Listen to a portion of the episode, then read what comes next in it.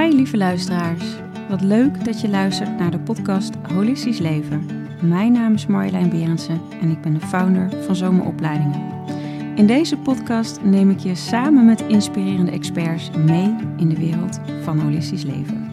Voor mij is meer, beter, sneller, harder niet het doel. Voor mij is het doel impact maken en dat daaruit voortkomt uh, dat mijn winst, mijn omzet vergroot en dat mijn werkgeluk vergroot. Dat zijn allemaal resultaten van eigenlijk de focus op een impact maken.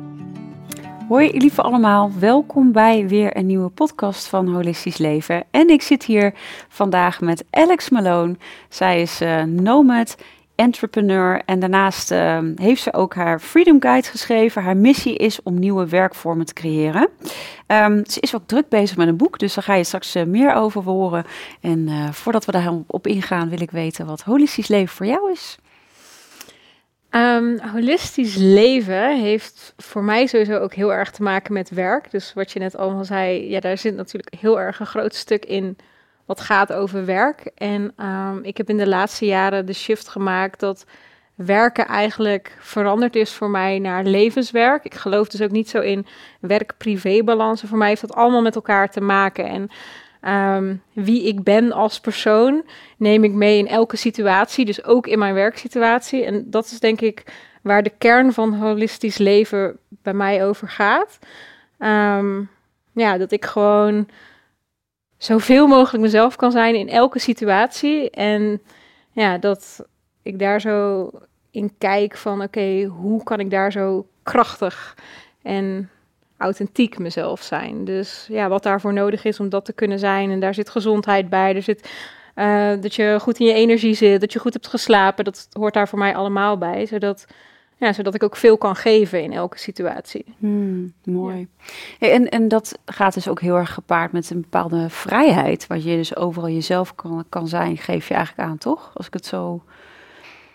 De waarde vrijheid, is het belangrijk voor je? De waarde vrijheid is sowieso heel belangrijk voor mij, ja. Het voelt ook heel, ja, heel ruim of zo. Ja, um, vrijheid. Ik dacht eerst dat vrijheid voor mij reizen was. Ook omdat ik me vaak ja, een soort van vast heb voelen zitten. Mhm. Ehm, en de manier hoe ik toen dacht dat ik eruit kon komen, was gewoon letterlijk weggaan. Gewoon, weet je, oké, dit is het niet, dus ik ga. Ja. En daarmee liet ik eigenlijk heel veel zekerheden los. En dan voelde het voor mij heel vrij. Alleen daarmee creëerde ik ook een soort van afstand tussen uh, een soort van droomwereld waar ik dan alles kon zijn wie ik wilde zijn, wat heel ver weg stond van de norm die er toen was, of die er misschien nog steeds wel is. Um, en uiteindelijk die twee werelden meer naar elkaar brengen, voelt voor mij nu eigenlijk veel vrijer, omdat het geen clash meer is tussen wat er ook is. Ja. Ja. ja. En hoe was dat uh, in je jeugd? Dus neem ons even mee, want waar je nu zo voor staat, ik vind je enorm authentiek en je ja, ook wel heel, je staat echt, je hebt echt een hele duidelijke missie. Hoe was jij in je jeugd? Neem ons even mee. Het is wel heel grappig, want um, een van de dingen die ik altijd gek heb gevonden is dat ik bijvoorbeeld vijf dagen naar school moest. Dat vond ik zo raar. Van hoezo vijf dagen naar school en maar twee dagen vrij? Hoezo, hoezo is dat niet wat eerlijker verdeeld? Waarom niet drie, vier? Zeg maar, wat, waarom is die verdeling vijf, twee? Dus dat is iets wat ik bijvoorbeeld vroeger al heel gek vond. Um, als ik vroeger aan het spelen was, dan uh, was ik op avontuur aan het gaan. Ik ging dan bijvoorbeeld mensen bespioneren en dan ik zeg maar echt in de bossen zeg maar kijken wat ze dan aan het doen waren, omdat ik dan ook wilde weten wat zij aan het doen waren. Dus wij wonen bijvoorbeeld vlakbij een klinkt een beetje luguber dit, maar um, bij een kerkhof en dan ging ik zeg maar achter het kruis kijken wat mensen daar dan aan het doen waren en uh, hutten bouwen en um, ja, wat ik ook heel interessant vond was als ik um, bijvoorbeeld dieren vond die dan overleden waren. En dan ging die begraven en dan ging ik een ceremonie aangeven. Dus ik was heel erg bezig met buiten, in de natuur, dingen ontdekken. Um, als ik tekende, dan tekende ik huizen op wielen. Ik had een fantasie dat ik de auto van mijn ouders zou stelen. en dat ik dan zou gaan rijden totdat de benzine op was. En dan ja, had ik zeg maar zo in mijn gedachten van, oh, dan ga ik een heitje voor een karweitje doen. en dan krijg ik een paar gulden en dan koop ik daar nieuwe benzine mee. En dan kijk ik weer hoe ver ik kan komen. En, en past eigenlijk allemaal heel erg goed bij wat nu werkelijkheid is geworden. Dus dat is wel heel grappig om terug te zien of zo. Ja, want hoe is dat pad dan? Hoe heb je dat vormgegeven tot waar je nu staat? Nou, het is grappig dat wat ik nu vertel over mijn kind zijn, dat het op de een of andere manier, dat ik dat ook een hele tijd vergeten ben. Dus dat er een moment is gekomen dat, dat, dat je dan toch als kind wel in een soort van, oké, doe maar normaal, dan doe je gek genoeg stramien komt. En dat je dan toch, of wat ik in ieder geval had, oké, ik moet mijn best doen, uh, goede cijfers halen. Uh, ik wilde het goed doen, ik wilde presteren, ik wilde die erkenning voor prestatie. Dus ik, ik werd echt wel een, een strebertje. En um, um, goed mijn best op school doen, uh, goed mijn best op HBO doen, goede stages lopen, heel dat. En toen vergat ik eigenlijk een beetje die kinderdromen, die raakten steeds meer naar de achtergrond. Um, totdat ik dus echt het gevoel had van op mijn 21ste van wat, wat, waar ben ik nu terecht gekomen? Het voelt alsof de keuzes die ik heb gemaakt niet echt mijn keuzes zijn. En dat voelde ik eigenlijk pas nadat ik uh, was afgestudeerd en zogenaamd mijn droombaan had. Mm. Uh, de baan in ieder geval waar ik voor had gestudeerd. En die ik in die vier jaar studie echt dacht te willen hebben. En dat was? Um, ik was toen digitaal stratege bij een reclamebureau in Amsterdam. En um, ik had uh, prachtige projecten, werkte voor grote klanten. Er waren voldoende doorgroeimogelijkheden, goed salaris. Um, dus ja, I had it all, zeg maar. En ik werd met de dag ongelukkiger. En ik dacht de hele tijd van, ja, moet ik weer naar dat kantoor? En nog steeds vijf dagen in de week. En, ja. uh, als je dan een keer om uh, zes uur wegging, dan uh, kreeg je zeg maar de opmerking van... Oh, werk je halve dagen vandaag? Oh, echt? Ja, dus um, ja, er zat heel erg dat, dat kantoorcultuurtje bij. En ook al had ik echt superleuke collega's en ook nog alle leuke reclamefeestjes en al dat... dacht ik wel van, Hmm. Het voelt niet alsof dit is wat ik echt wilde. En toen kreeg ik um, vast contract aangeboden gekregen. En uh, ja, toen dacht ik van, oh ja, als ik dit teken, dan is dit gewoon mijn gouden kooi vanaf mijn 21ste. En dan... Dus dat heb ik niet gedaan. En toen ben ik op reis gegaan. En um, toen kwam ik eigenlijk weer terug bij hoe geluk echt voor mij voelde. En toen kwamen in één keer ook al die realisaties terug van mijn kindertijd. En waar was je? Ik was in Zuid-Amerika. Ja. ja. in Zuid-Amerika en uh, ik was in Cuba begonnen. En um, ik heb uiteindelijk, zeg maar, gewoon ben helemaal naar beneden gereisd. En um, ja, dat was voor het eerst dat ik weer echt voelde hoe geluk voelde. En ook hoe het was om mijn hart weer mee te laten doen. Dus Um, ik was stiekem toch best wel, zeg maar, zo'n uh, zo'n hoofd op pootjes geworden. heel rationeel, heel veel nadenken. Uh, en mijn hart eigenlijk helemaal uitgeschakeld. En juist doordat ik naar een plek ging waar ik de taal niet kende, niks wist, ja, werd mijn hoofd gewoon buitenspel gezet. Want ik kon wel dingen bedenken, maar ik wist eigenlijk niks. Dus het enige waar ik op kon vertrouwen was mijn hart. En toen moest ik wel. Hmm. En ja, dat was eigenlijk dus weer de eerste keer dat ja, alles zich opende. En dat ik dacht, wow, zo vet is het leven. En dit kan allemaal, maar ik wist nog niet wat het was, maar er opende van alles. Wauw, ja. en toen, welke, welke stap heb je toen gezet? Want ik kan me voorstellen dat je dan, ja, jij doet ook echt zo van, zo'n openbaring, zoveel energie. Welke stap heb je toen gezet? Want ik kan me voorstellen dat ook wel mensen als ze dit luisteren, misschien ook wel zoiets hebben van: oh ja, ik ben ook misschien ergens op reis geweest. Of er is een keerpunt in mijn leven dat ik weer terugkom bij mezelf. En, en nu? Hoe heb je dat, wat heb je toen gedaan? Ja, voor mij, um, Zuid-Amerika heeft mij dus echt laten voelen. En, en daardoor dacht ik van oké, er, zijn, er zijn twee beloftes die ik met mezelf ga maken.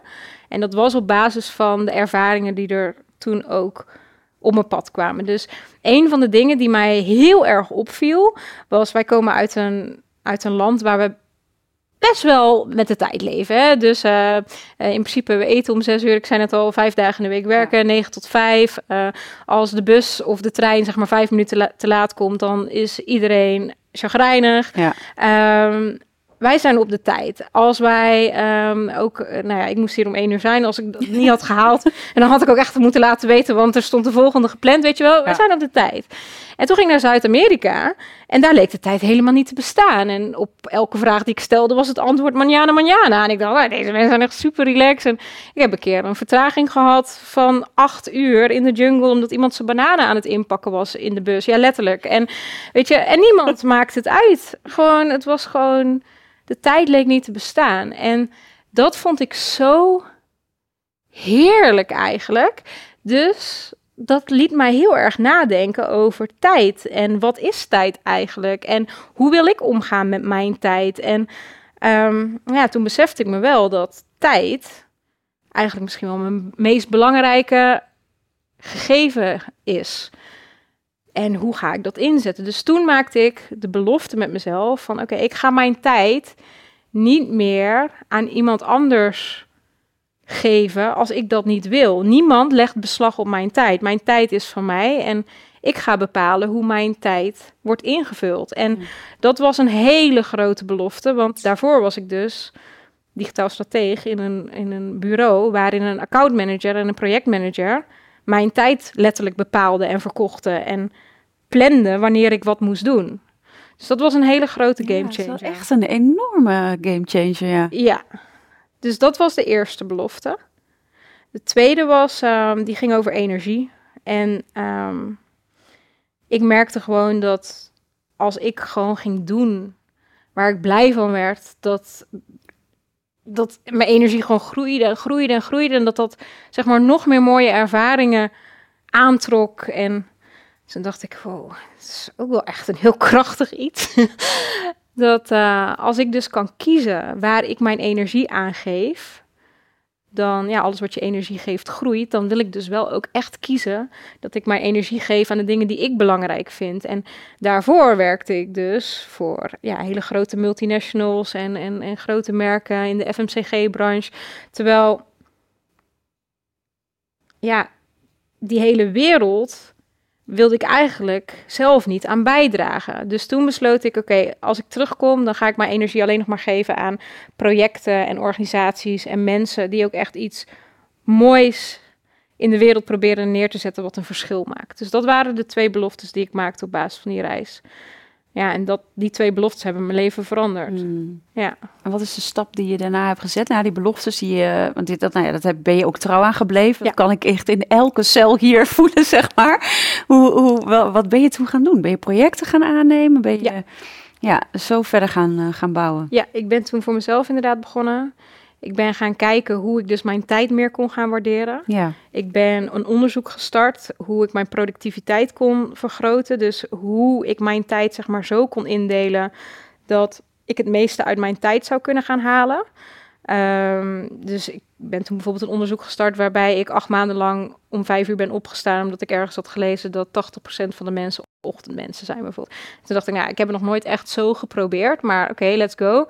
Um, ik ben um, uh, gaan testen met, oké, als ik zeg maar zoveel per dag werk, dus uh, ik denk dat elke digital nomad of iedereen die met remote werken bezig is geweest, de 4-Hour Workweek wel heeft gelezen. Nou, dat boek was, was een hele lange tijd echt mijn bijbel.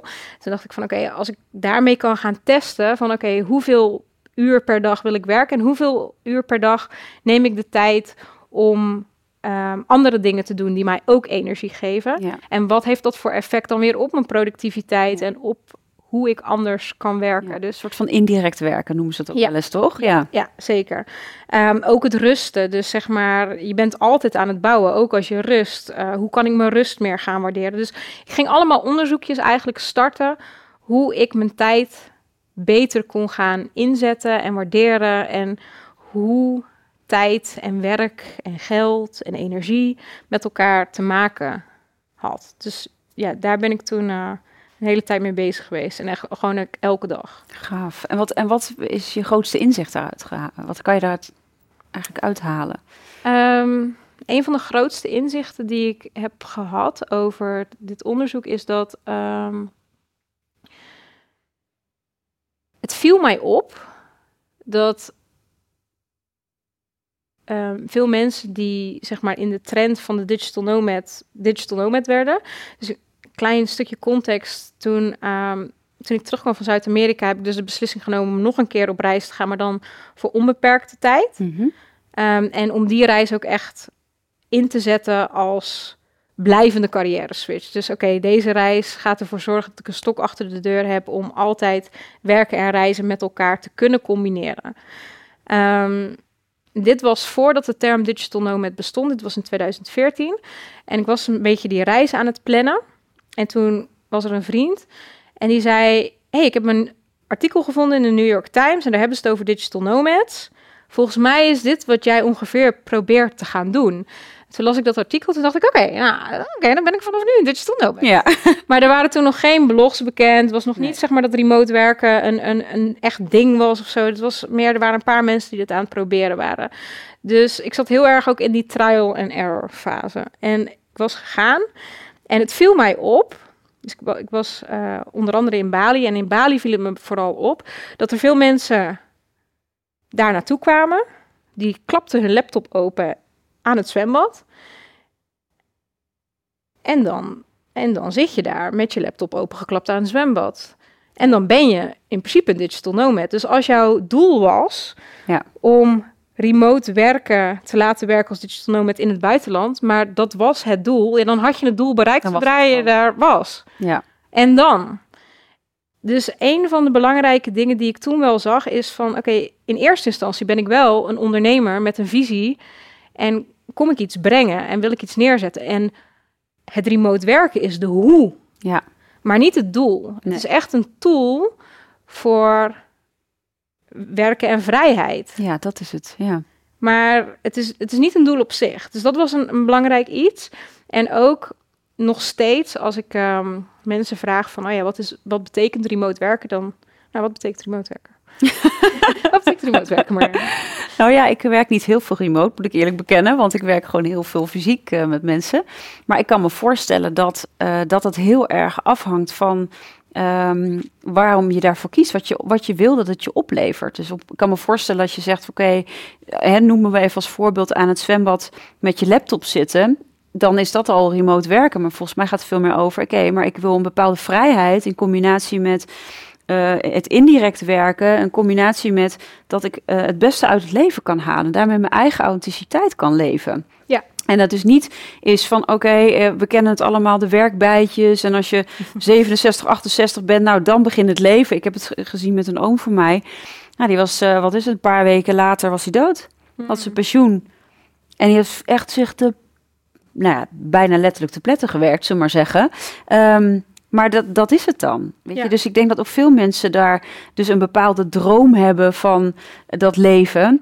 Maar misschien nog steeds in diezelfde valkuilen trappen. Want die, die laptop staat nog steeds tot om 11 uur s'avonds aan. En misschien nog wel een balie nog wel meer, omdat je een verantwoordelijkheidsgevoel hebt. Dus ik kan me voorstellen dat, dat in eerste instantie de stap allemaal heel geromantiseerd is. Maar dat het vooral gaat om de balans waarin jij voelt. Ja, ik, ik, ik, ik leef het leven zoals voor mij de bedoeling is. Waar ik, waar ik energie van krijg. Waar Ja. ik de tijd op zo'n manier in kan vullen dat mijn leven vervulling Ja. geeft. Ja, mooi. Ja, zoals je, het, zoals je het nu zegt, is het inderdaad dat je remote werken inzet als tool voor het leven wat je wilt creëren. Wat veel mensen dus inderdaad eh, aangeven wat remote werken is als ik vraag van oké, wat betekent het eigenlijk? Ja. Ehm, zeggen veel mensen van oké, het is plaats en tijd onafhankelijk werken. En wat nog vaker wordt gezegd is het is werken waar en wanneer ik wil. En nou, jij vroeg net wat is het grootste inzicht? Ja. Een van de grootste inzichten voor mij uit die tijd is dat ik dat ik dus daarvoor dat onderzoek had gedaan over die productiviteit, hè, wat ik net vertelde. En toen dacht ik, het gaat niet over werken waar en wanneer ik wil, want dat maakt het heel erg ehm, over mij. Dat is best wel eigenlijk egoïstisch Ja. gedacht. Terwijl als ik één kleine nuance in die definitie maakt, weer opnieuw een gamechanger. Want als remote werken is werken waar en wanneer je het meest productief bent, dan gaat het dus niet meer alleen over mij, maar dan gaat het ook over jou als Ja. klant of Ja. over jou als werkgever. En dan ehm, heeft het voor mij heel veel voordelen, maar ook voor de partij waar ik mee werk, omdat ik mijn pro- productiviteit bovenaan zet. En wat er gebeurt op het moment dat je remote werken inzet als tool voor je productiviteit en dus je tijden en je locaties uitkiest op basis van wanneer je het meest productief bent. Wat er dan gebeurt, je krijgt meer gedaan in minder tijd, waardoor je automatisch meer tijd overhoudt om andere dingen te doen die je belangrijk vindt, die je energie geven. Je energielevel gaat omhoog, wat je weer kunt stoppen in de tijden dat je werkt en je creëert eigenlijk als het ware een opwaartse spiraal van productiviteit, vrijheid, maar ook meer omzet en ehm, meer geluk en meer balans en meer tijd. En het blijft eigenlijk zomaar groeien. Ja. In plaats van dat je gewoon je uren moet maken ja. en je voldoet aan die verwachtingen en uiteindelijk je energie lekker krijgt omdat je maar achter je laptop zit omdat het hoort. En ja, is ook een beetje, dat kan een gouden kooi worden wat je daar straks al even aanhaalde. Nou ja, ik, ja, ik hoor ook wat je zegt. Ik, ik was met een marketingmanager nou, naar Ibiza gegaan. Ik had iemand die daar ook Reiki ontving. En um, ja, het was echt zo mooi. We gingen gewoon werken wanneer we voelden dat het stroomde. En ja, er kwamen zoveel mooie dingen uit. Ook gewoon even langs het strand wandelen kwam ook zoveel inspiratie. Terwijl als je dan normaal alleen maar in je kantoor creatieve ideeën bezig bent voor marketing of voor wat dan ook. Ja, dan blijft het ook in een soort van strakheid zitten. Ja. En de andere kant, weet je, ik, ik, toen ik uh, ja, ja, jou ook bezocht uh, in, uh, in Ibiza alweer vorig jaar volgens mij. Toen zat ik s'avonds om 11 uur nog achter die laptop. Omdat ik dacht, ja, maar ze moeten wel, weet je was alweer oude versie van Marjolein hoor. Maar dat ik echt dacht, huh, wacht even, uh, dit gaat niet helemaal goed geloof ik. dus ook het idee wat je dan ook, ook hebt van, ja, maar uh, zien ze wel dat ik bezig ben? Of, ja. of, ze voelen toch wel dat ik bijdraag? Of niet dat ze denken, oh Marlijn heeft alleen maar die snoepreisjes of zo, weet je wel? Dus, ja. dus daar kwam ook zoveel in mij los. En ik kan me voorstellen dat dit hele proces aankijken ook heel erg gaat over jezelf aankijken. En, en je eigen uh, blokkades en je patronen. Hoe, hoe begeleid je mensen daar ook in? Of hoe ja. zie je dat? Ja, ook omdat uh, het heeft heel erg te maken met, met je eigen processen aankijken, maar ook echt een verantwoordelijkheid nemen. Verantwoordelijkheid nemen over je tijd, verantwoordelijkheid nemen over je energie, uh, verantwoordelijkheid nemen over je output. En als ik dan zeg maar terugkijk naar hoe wij eigenlijk allemaal zijn opgegroeid. In eerste instantie luisteren naar onze ouders, dan naar een leraar, dan naar uh, onze baas. Dus eigenlijk hebben we altijd geleerd om die verantwoordelijkheid juist buiten onszelf te leggen. En als ik kijk naar onze huidige werkstructuur, waar die vandaan komt, en dat ja, ik vind dat zelf echt super interessant. Maar als je dus gaat kijken waar onze huidige werknorm vandaan komt, dan stamt die nog vanuit de industriële revolutie. Dat was wanneer wij voor het eerst eigenlijk met elkaar gingen samenwerken. Daarvoor waren we vrije boeren, ja. uh, waren we um, eigen ondernemer als bakker, als hoefsmid. Als, weet je, daar hadden we best wel wat vrijheid. Maar toen kwam de industriële revolutie, de verstedelijking.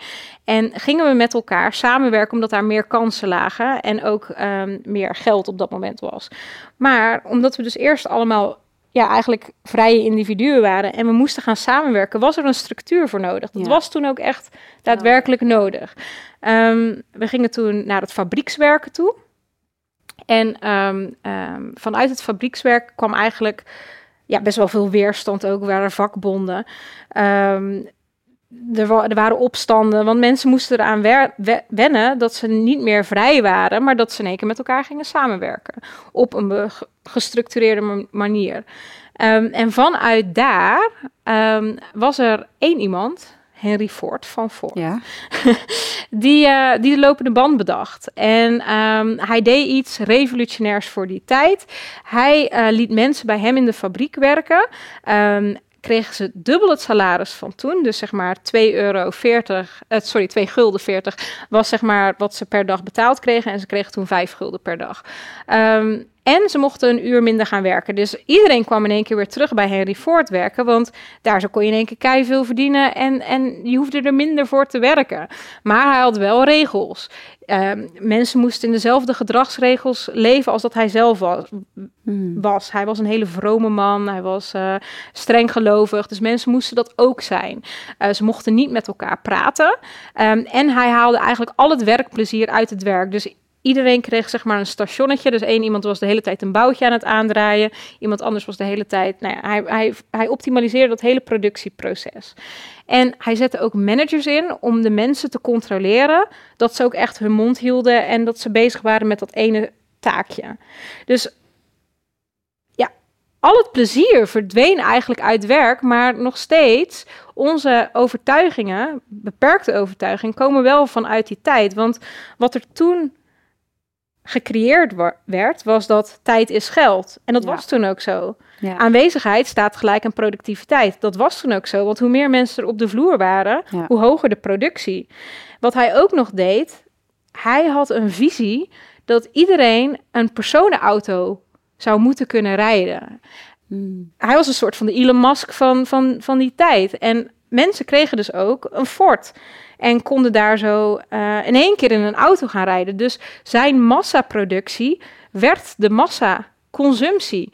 Want Ja. hij ging zeg maar naar meer, beter, sneller. Dat was, dat was de vibe die toen... Voorloper. Ja, Ja, ja. dat was de vibe die toen bestond. Maar dat is de vibe waar we nog steeds in zitten. Of wat in ieder geval een realiteit is. Ja. Er zijn nog steeds mensen die werken in een realiteit waarin meer, beter, sneller, harder het doel is.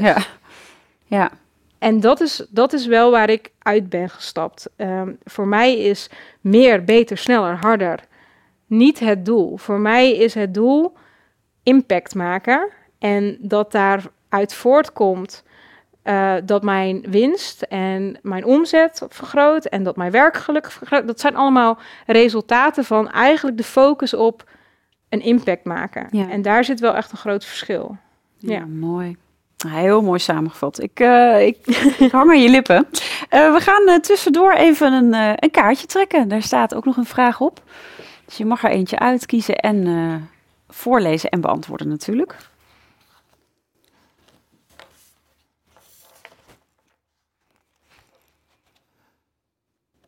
Welk compliment had je iemand kunnen geven, maar heb je niet gedaan?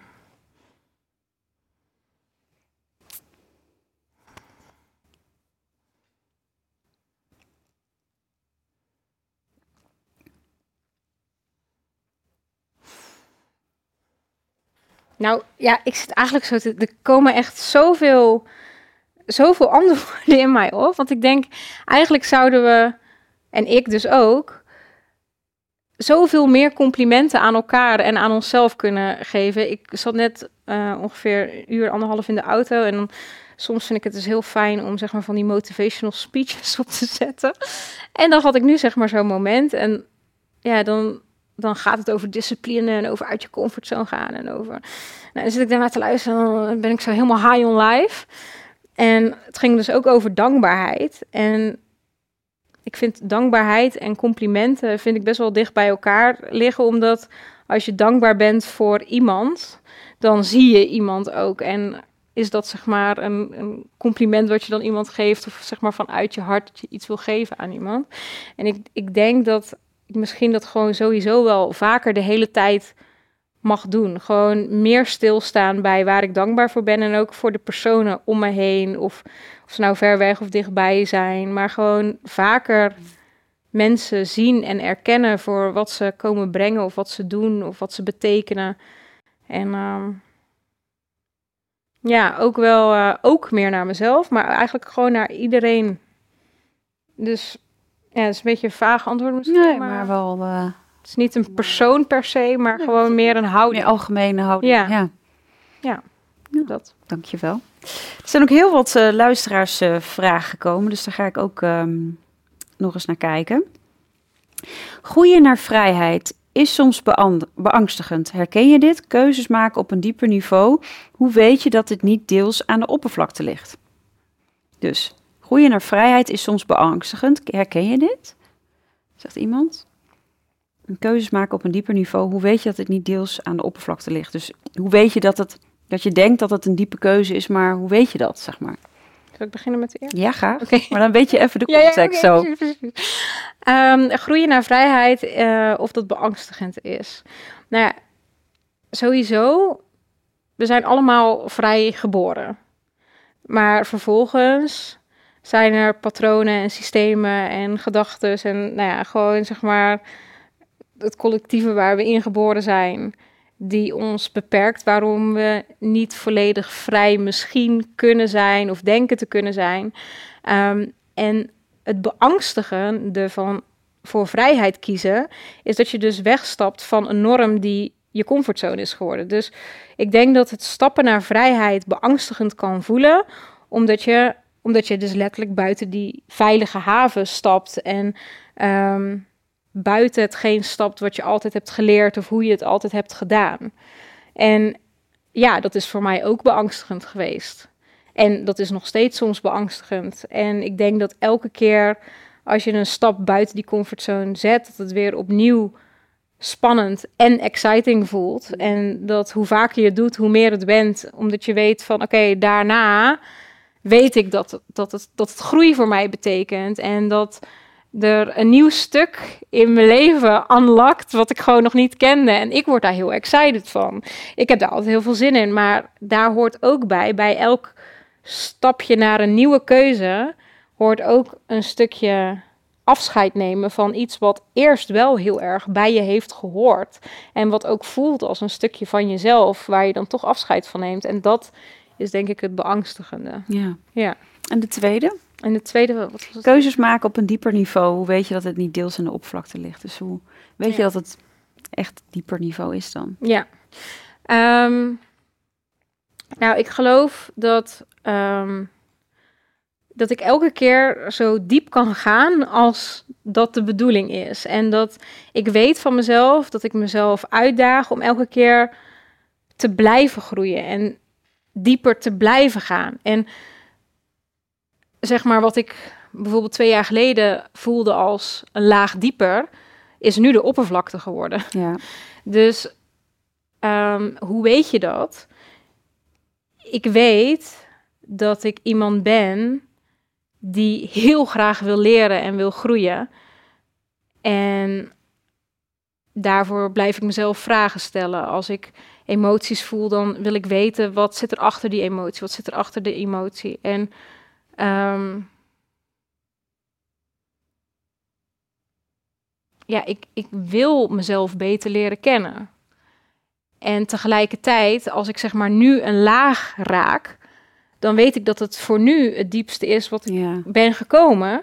Maar ik weet ook dat dat niet het einde is. Dus ik weet ook dat over een paar jaar dat ik gegroeid ben, of eigenlijk misschien al over een week, ja. dat ik gegroeid ben en dat ik dan wel weer dieper kan komen.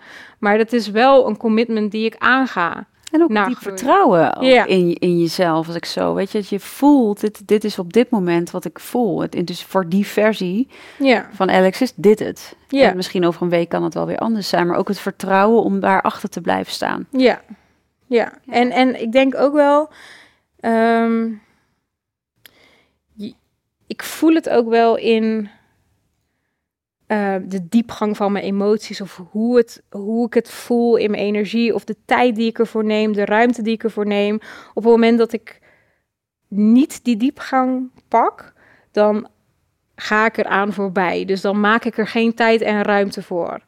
Dan ben ik aan het, ehm, Ja, een beetje aan, aan het bypassen. ja, aan het bypassen. Ja. Eh, Ah. En soms voel ik ook wel echt van, oh ja, ik heb er nu eigenlijk geen tijd voor. Of ik heb er nu eigenlijk geen zin in. En dan voel ik het proces wel aankloppen. ja. En dan denk ik, oh nee, ik heb geen zin. Maar ja, weet je, het is ook niet aan mij, want het komt toch wel. Want dan komt het hier en dan komt het hier en dan komt het hier. En, komt- en je kunt op een duur, of ik kan op een duur niet meer, zeg maar, zo doen. ja, je kan niet meer anders. Nee. Nee, dus dan, ja, oké, dan is het handjes omhoog Ja. gegaan en met die rollercoaster Ja. mee en er vol aan induiken. Maar eigenlijk zeg je ook daarmee volgens mij ehm, dat die keuze misschien niet eens die jij als persoon maakt, maar je voelt gewoon vanuit je zijn, vanuit je ziel dat dit moet gebeuren. Ja, ja, Dus dat, dat is wel die, die hele diepe keuze zo, als ik, Ja. als ik je zo hoor. Dus dat je bijna zegt van, oh, ik wil het misschien eigenlijk niet, maar misschien weet je, dat je weet gewoon, je voelt alles in jou, dit is wel de keuze die ik moet maken. En spannend. Ja, en ik denk ook wel, het is ook wel iets heel moois wat letterlijk een natuurwet is. Hè? Gewoon alles wat bestaansrecht heeft, wat niet dood is, groeit. Ja, En wij zijn levende wezens die onderdeel zijn van de natuur. Dus het is de bedoeling dat wij groeien. ja, Ehm, ja. en dit is de manier waarop ik dat doe in ieder geval. Door echt te kijken naar, oké, wat is een ervaring die op mijn pad komt en wat kan ik eruit halen? En als iets niet fijn of goed voelt, voor mij of voor iemand anders, hoe kan ik het de volgende keer voorkomen? Of ja, wat heb ik hierin te leren? Wat heb ik verkeerd gedaan? Of hoe zou ik het beter kunnen doen? Hoe zou ik het anders kunnen doen? Ik zeg verkeerd, omdat Ja. iets is natuurlijk niet per se goed of fout. Maar alles is een ervaring. En, en ja, wat kan ik eruit halen om het volgende keer anders te doen? Ja, mooi. Ja. Ehm, even kijken. De, de, de, de, de. Oh ja, je nodigt mensen uit om met je mee te vliegen. Heb je altijd iemand nodig voor de volgende stap? Is de vraag vanuit een luisteraar. Ehm, ja en nee. Eh, ik denk in eerste instantie nee. Eh, je hebt niet altijd iemand nodig. Je kunt het zelf. Alles zit in jezelf om zeg maar eh, een volgende stap te kunnen maken. Ik denk dat als je zelf helder hebt wat je volgende stap is en waarom je daar nog niet bent, ehm, dat je jezelf kunt uitdagen om daar naartoe te groeien. Ehm, dus vanuit dat perspectief, nee, je hebt niemand nodig. En tegelijkertijd denk ik, soms zie je bepaalde dingen gewoon niet. En heb ik ook andere mensen nodig om mij te spiegelen of om een ervaring aan te reiken, waardoor ik in één keer iets zie wat ik daarvoor niet zag. Dus ehm, nee, in principe heb je niemand nodig. En ja, Ja. het is wel, ik geloof heel erg in, in het stuk eenheidsbewustzijn en dat, dat, dat andere mensen mij dingen laten zien van waar ik weer mag groeien. En, Ja, die je ook weer inspireert, Ja. zeg maar. Ja. en het is sowieso niet dat je altijd iemand hoeft in te huren om. nee, dus ik, nee. ik weet niet of daar ook de vraag vandaan Ja, geen Van heb je nodig op die manier? Ja, ja nee, maar mooi, eh, mooi antwoord ook. Ehm, in de huidige samenleving passen voelt goed. Waarom zou ik meer vrijheid willen? Ehm, ja, het is grappig, want ehm, eh, het feit dat ik eh, echt wel een ambassadeur ben voor anders werken of anders kijken, anders doen, anders denken, wil niet zeggen dat, eh, dat ik maar rebelleer om te rebelleren. Ehm, het anders doen heeft voor mij wel echt een functie, alleen op de plekken waar ehm, de huidige manier van doen een bepaalde eh, houdbaarheidsdatum heeft Ja, gekregen.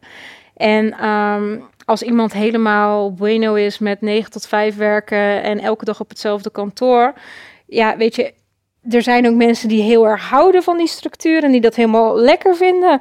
Ja, ik ga niet zeggen van, oh ja, je moet gaan remote werken en jij moet de wereld over reizen Ja. met je werk. Nee, helemaal niet. Weet je, Ehm, als iemand zich helemaal lekker voelt in deze huidige maatschappij, dan is dat een, een realiteit waar iemand ook helemaal voor kan kiezen. En dan is het helemaal niet aan mij om te zeggen van, oh, dat is Ja. niet goed, want ik vind dat ook oprecht niet. Ik heb het echt tegen de mensen die die, die frictie voelen Ja.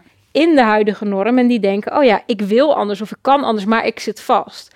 Dat zijn de mensen waar ik tegen Ja. praat en waar ik probeer te inspireren. helder. Ehm, kunnen we deze vrijheid ook aan onze kinderen leren? Ja, tuurlijk. ja, ehm, ja, ik denk eh, dat, eh, dat de kinderen die, ehm, die nu in deze tijd geboren worden, dat die ehm, ja, te maken kunnen hebben met ouders die dus in de afgelopen tijd voor een andere realiteit voor zichzelf hebben gekozen. En dat kinderen die dus nu geboren worden bij die ouders, of dat zij direct ook in een andere realiteit stappen. Ehm, kijk, wij zijn, wij zijn natuurlijk opgegroeid met hoe we het honderden jaren misschien wel op een bepaalde manier hebben gedaan. En in één keer stond de wereld stil. En in één keer kwamen er overal de visionairs die eigenlijk al jaren bezig waren om het zelf voor zichzelf anders te doen. Die nu aan het openklappen zijn voor de rest. En ehm, ja, kinderen die nu geboren worden, die gaan denk ik gelijk mee in het nieuwe. En die hoeven eigenlijk het oude niet meer per se te kennen. En dat brengt denk ik ook weer echt heel veel vernieuwing met zich mee als die kinderen die realiteit als enige realiteit misschien wel kennen. Ja, Ja, waar gaan zij dan weer mee verder? Ja. Ja, daar ben ik wel heel benieuwd naar. Ik ook. Kijk, het is natuurlijk wel nog steeds eh, vijf dagen per week naar school. Dus daar zit natuurlijk wel een stukje... Ja, is dat zo? Nou ja, ge- ge- gemiddelde scholen, Ja, laten we het ja, zo zeggen. ja, even, even, even gemiddelde, mainstream, laten we zo zeggen. En je ziet natuurlijk wel steeds meer eh, variaties daarop. Ja. Eh, ik denk voor heel veel kinderen juist super mooi. Dat was natuurlijk vroeger ook wel de vrije school, hè, want daar was natuurlijk wel een soort van begin ook wel mee, denk ik.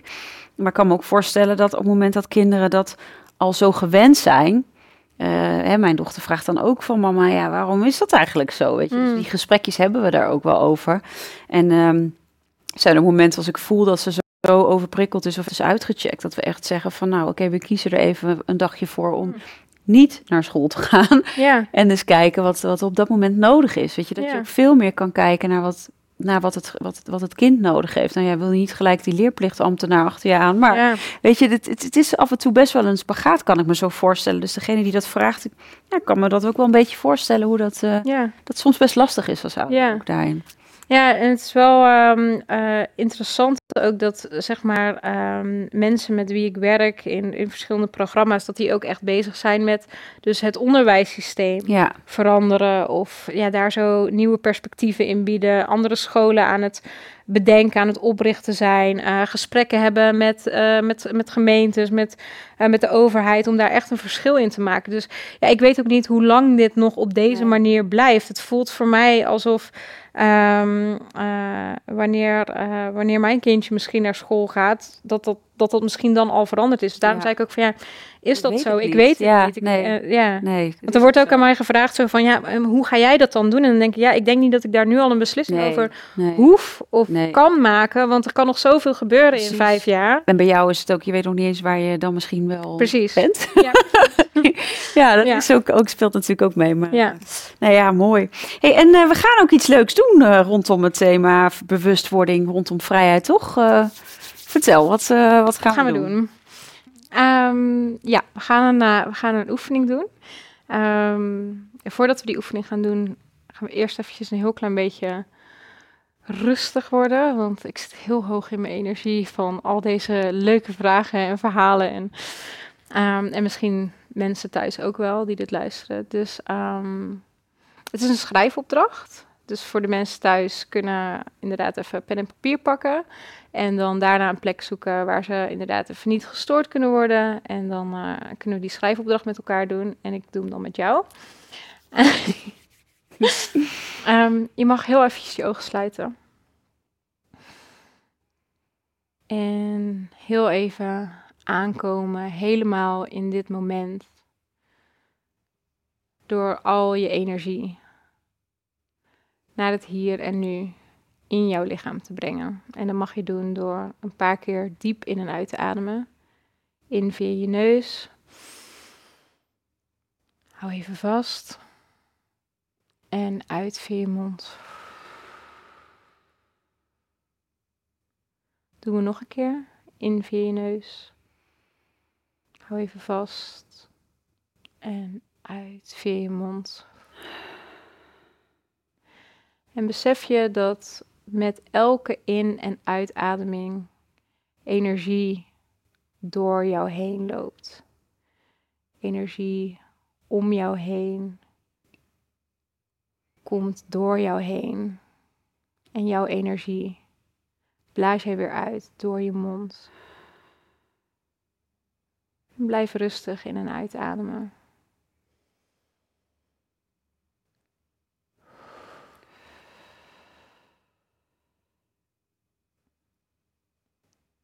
En voel hoe je lichaam zich ontspant in dit moment.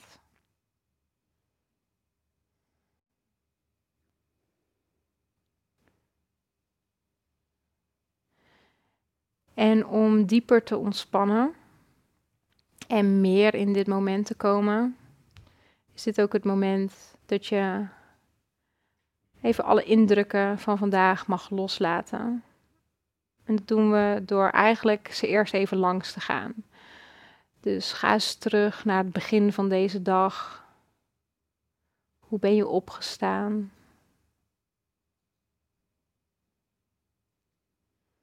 Wat gebeurde daarna? Hoe zag je dag er tot nu toe uit? En kijk maar wat er omhoog komt qua beelden of gevoelens. En laat die allemaal even binnenkomen.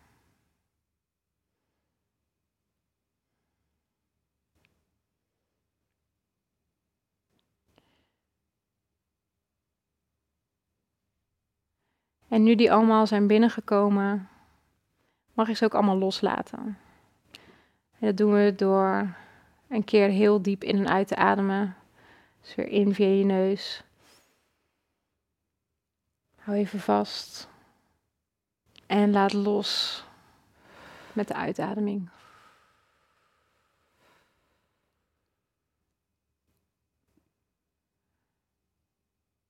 En door al die momenten te ontladen, merk je dat je steeds meer hier bent.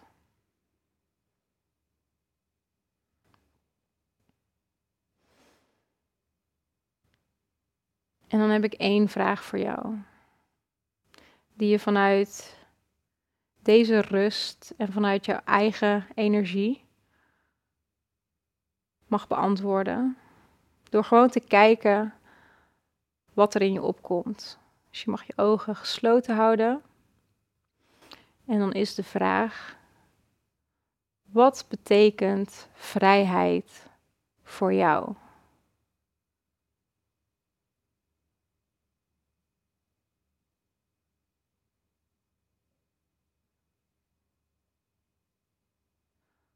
Hoe ziet dat eruit? Hoe voelt dat?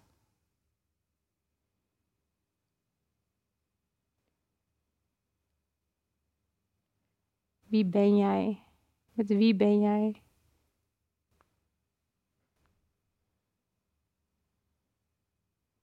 Wat doe jij?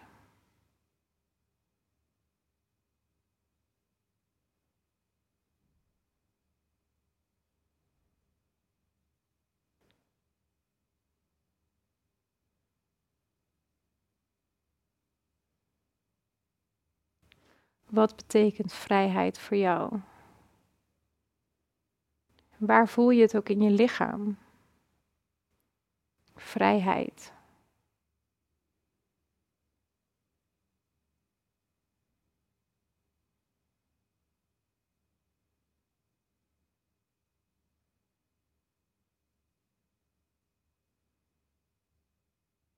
Laat al die informatie, beelden, gevoelens omhoog komen.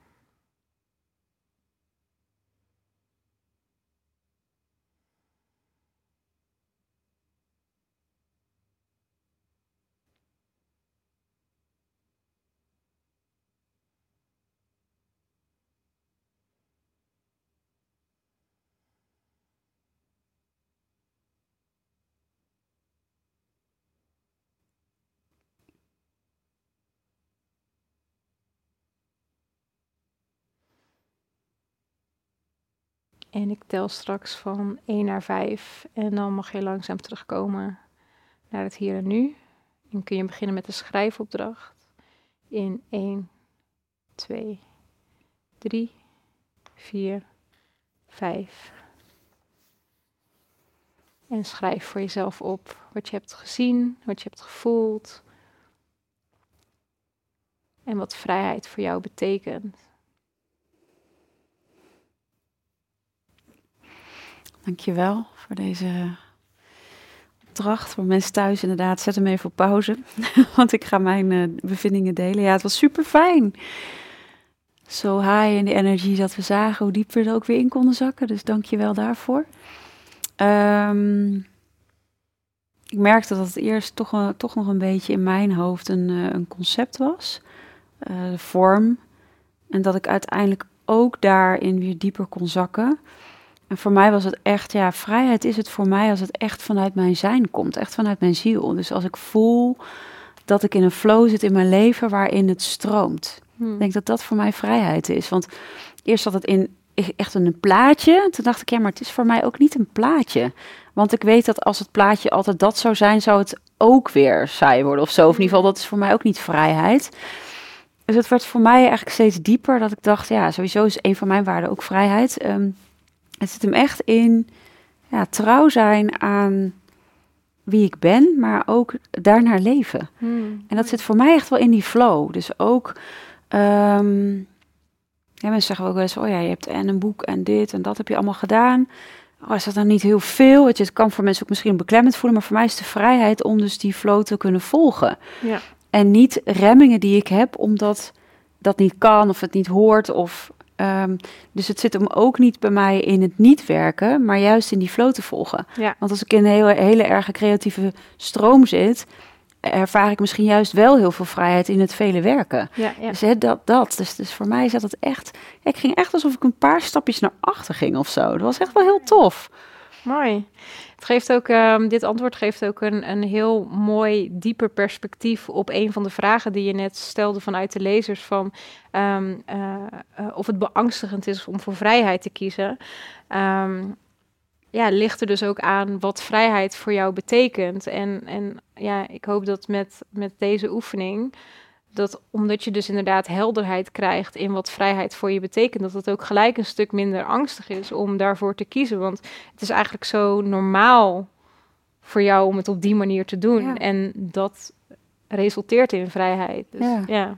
Ja, het was echt een hele fijne oefening. Het was echt alsof we ook weer laagjes gingen afpellen van, ja, wat is vrijheid dan? En, en ik denk dat dat ook wel kwam door die vraag die je extra stelde, maar wie ben je? Hmm. Toen dacht ik, ja, die kern is ook vrij. Weet je, dat is ook niet iets vast. Of dat is ook. Daarna voelde ik ook zoiets fluides van het verandert ook. Wat, wat tien jaar geleden vrijheid voor me was, is nu weer heel anders. Zeker, ja. Dus eh dank je wel. Ik, ik heb echt wel hele mooie inzichten erdoor gehad. Dat ik ook daarin, dus ook in zo'n vraag, nog een laagje dieper, dieper, dieper kan. Ja, was echt eh, een hele mooie uitnodiging die je mij, eh, mij hebt gegeven. Dank je wel. Gedaan. Ja, Mooi. ja, toch wel graag geneigd om dan dingen in een vormpje te gieten. Mm. Van, oh ja, dat moet dan zo eruit zien. Maar dat, ja, dat is eigenlijk de eerste vrijheidsberoving die ik mezelf, Hmm, ja, ja, wat Ja. ik mezelf ga opleggen. Want dan moet het zo zijn of zo. Voor mij is het in ieder geval niet iets vast. Dus eh, Ja. dank je. Ehm, zijn er nog dingen waar we het niet over hebben gehad en wat je nog wel graag wilt delen? Ik vond het eigenlijk gewoon een heel leuk gesprek. nee, er zijn niet echt per se dingen die ik per se kwijt wil of zo. Ik komt nog wel een boek aan. Komt moeten ze nog wel op wachten, ook als deze is uitgekomen. Ja, klopt, klopt, klopt. Wil, je daar, wil je daar een tipje van de sluier? Ja, zeker. Ehm, nou, ik had het net over, ehm, eh, over het anders werken en over ehm, ja, mijn visie daarop. Ik ben daar dus een boek over aan het schrijven, ook omdat er zijn zoveel mooie initiatieven die proberen om zeg maar de uitdagingen die onze huidige werknorm ons brengt, eh, om daar een verschil in te maken. Dus ja, onze huidige werknorm zorgt ervoor dat er steeds meer burn-outs zijn. eh, dat er een kloof is tussen wat oudere generaties en jongere generaties. Eh, ik lees best wel veel eh, artikelen met frustraties vanuit de oudere generatie. Ook dat jongere generaties hun verantwoordelijkheden niet nemen. Ja. Dat ze liever in een camper in Portugal werken. En ehm, ja, dat ze die verantwoordelijkheid dus ook niet kunnen nemen. Ondertussen vanuit de jongere generaties willen niet meer bij de vastgeroeste bedrijven werken. Eh, er zit een, is een krapte op de arbeidsmarkt. Er, er- er gebeurt van alles. Echt, hè? Ja. Ehm, en ik vind het dus heel erg interessant dat als je dus weer teruggaat naar dat stukje geschiedenis, ehm, dat eigenlijk alles te relateren is vanuit ja, die houdbaarheidsdatum die is verstreken vanuit die werknorm die toen is ontstaan. En alle goed bedoelde pogingen van happiness managers en teamdagen Ja. en vitaliteitsprogramma's. En ik weet niet wat er allemaal bedacht wordt. En ik, ik, ik, ik gun zo dat het werkt. En tegelijkertijd zie ik dat het elke keer niet werkt, omdat het elke keer een goed bedoelde poging is in een verouderd systeem. ja. Wat dus eigenlijk gewoon een pleister plakken is op een diepe stinkende wond tot aan het bot. Dus het is niet nodig om meer van dat soort initiatieven te gaan bedenken. Het is nodig dat er een nieuwe container komt die helemaal vanuit de kern opnieuw is opgebouwd en niet meer vanuit het principe van Henry Ford wat toen werkte, ja. maar iets wat nu duurzaam is. Dus ik ben een boek aan het schrijven over hoe ons, onze werknorm vanuit de kern anders opgebouwd kan worden. En ik heb me daarin laten inspireren eh, door de wetten en regels van de natuur, omdat dat iets is wat blijvend is en Altijd wat is. altijd is. En ook als, nou, Henry Ford is er niet meer, maar zijn gedachten zijn er nog wel. Ik zou eigenlijk niet willen dat als ik er straks niet meer ben, dat het vanuit mijn mening komt. Ik zou juist willen dat het een houdbaarheidsdatum heeft, omdat we naar iets kijken wat al perfect gedesigned is, zoals de natuur en het universum. Dus ik ben gaan kijken hoe kunnen we organisaties van de toekomst vormgeven op basis van de wetten van energie en natuur en celdeling. En daar heb ik me door laten inspireren. En vanuit daar ben ik een, een, een, een nieuw systeem gaan bedenken. eh, een methodiek eigenlijk gaan bedenken. Die, ehm, die als hoogste doel heeft impact. Dus niet zeg maar het meer, beter, Ja, groter. Ja, Maar echt zeg maar impact echt impact maken en vanuit daar onze hele wereld van werken kan veranderen. Mooi. En onze hele wereld van zijn ook. Ja, ook. Ja. Ja. en dan komen we weer terug bij holistisch leven, waar Ja. het natuurlijk vandaag over gaat.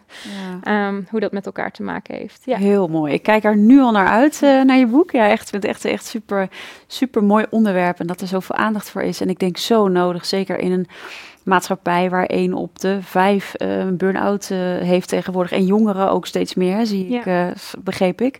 Ehm, heb je nog een tip die je wil meegeven aan de luisteraar? Gouden tip. Ja, en, ja, tip. ja, mag ook gouden tip zijn. Ehm, een tip die ik wil meegeven aan de luisteraar is ehm, om meer vrijheid in je werk te vinden, maak je productiviteit en je output het belangrijkste. Dus wat wil je neerzetten en hoe kun je dat zo productief en efficiënt mogelijk doen?